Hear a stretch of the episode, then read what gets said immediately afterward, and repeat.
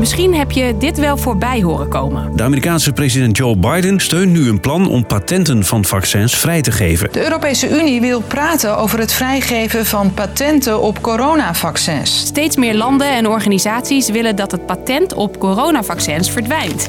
Een discussie die al langer speelt. Vaccines should be made available for everyone in the world and not just the rich countries. De hele wereld heeft vaccins nodig, maar slechts een klein clubje farmaceuten weet hoe je ze moet maken. Waarom wordt die informatie niet gewoon gedeeld?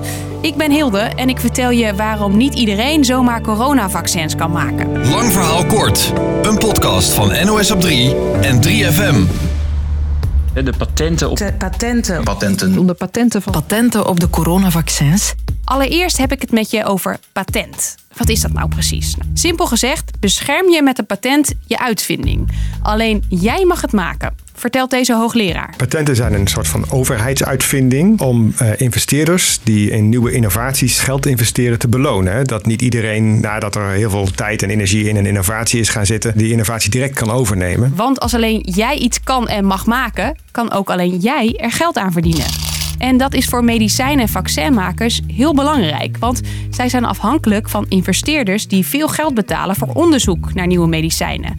Vertelt deze Belgische expert. Als we investeerders willen hebben die willen investeren in innovatie en risico's nemen, daarvoor heb je patenten nodig om te kunnen terugverdienen. Een patent geldt trouwens niet voor eeuwig. Meestal vervalt het na zo'n 20 jaar en dan mogen ook andere bedrijven het product maken.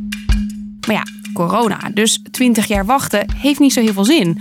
Verschillende landen en organisaties willen dat het patent op coronavaccins nu al wordt vrijgegeven. Vertelt mijn collega Kisha Hekster. Ja, het grootste voordeel is natuurlijk dat andere farmaceutische bedrijven die vaccins ook zouden kunnen gaan maken. Dat mag nu niet door die patentbescherming. In rijke landen, zoals Amerika of hier in Europa, gaat het vaccineren al best wel goed. Maar in armere landen, zoals India, is er nog bijna niemand geprikt. Je hoort de Wereldgezondheidsorganisatie. In high income countries, almost one in four people has received a vaccine.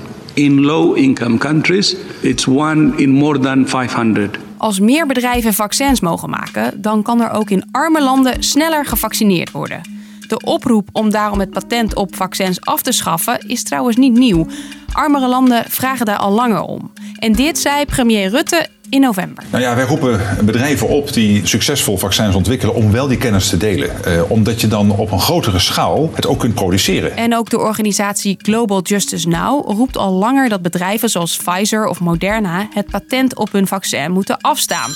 Ze belden de bedrijven op. I would like to leave a message for the CEO. Just to tell him that um, I think a COVID 19 vaccine should be available for everyone in the world.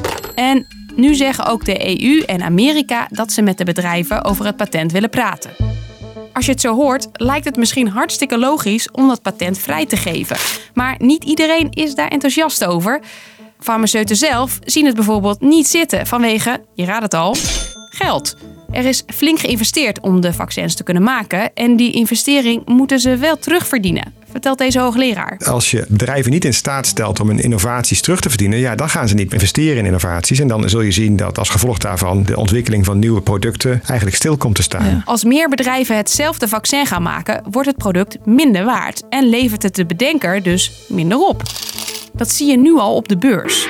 Toen Amerika bekend maakte dat ze het patent niet meer zo belangrijk vinden, kelderden meteen de aandelen van Pfizer. Crazy, crazy afternoon on this one. Uh, the news came out and the market did not like what it, it saw and down the price went. En er is nog een reden om het patent niet vrij te geven. Het heeft volgens deze expert geen zin. Een patent van een vaccin, daar komt heel veel bij kijken. Dus stel nu dat ik dat receptje van het BioNTech-vaccin morgen op het web zet en zeg iedereen mag dat gebruiken, dan kan ik u verzekeren binnen de volgende twee jaar is er niemand die zo'n vaccin kan maken. En ook Pfizer zegt dat niet zomaar iedereen hun vaccin kan namaken. Er zijn maar weinig vaccinbedrijven die dat in de vingers hebben en die gebruiken de maximale productiecapaciteit. Dus ook al haal je het patent weg, volgens sommigen betekent dat dan niet dat arme landen ook snel meer vaccins hebben. Het is een dilemma. Hè? U bent de minister van Volksgezondheid en u wil voor uw eigen populatie zorgen, maar eigenlijk moet u ook een globale verantwoordelijkheid nemen en maken dat er voldoende vaccins verdeeld worden. Maar patenten gaan dat nu niet oplossen.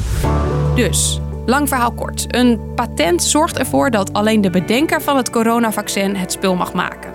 Steeds meer landen en organisaties willen van het patent af om ervoor te zorgen dat ook arme landen sneller kunnen vaccineren. niet iedereen ziet dat zitten. Farmaceuten zijn bang dat ze dan hun investeringen niet terugverdienen. En ook denken experts dat een patent weinig invloed heeft op het aantal vaccins, omdat niet iedereen ze zomaar kan maken. Wat er weer voor nu. Morgen rond 5 uur vind je een nieuw lang verhaal kort in je podcast-app. Tot dan!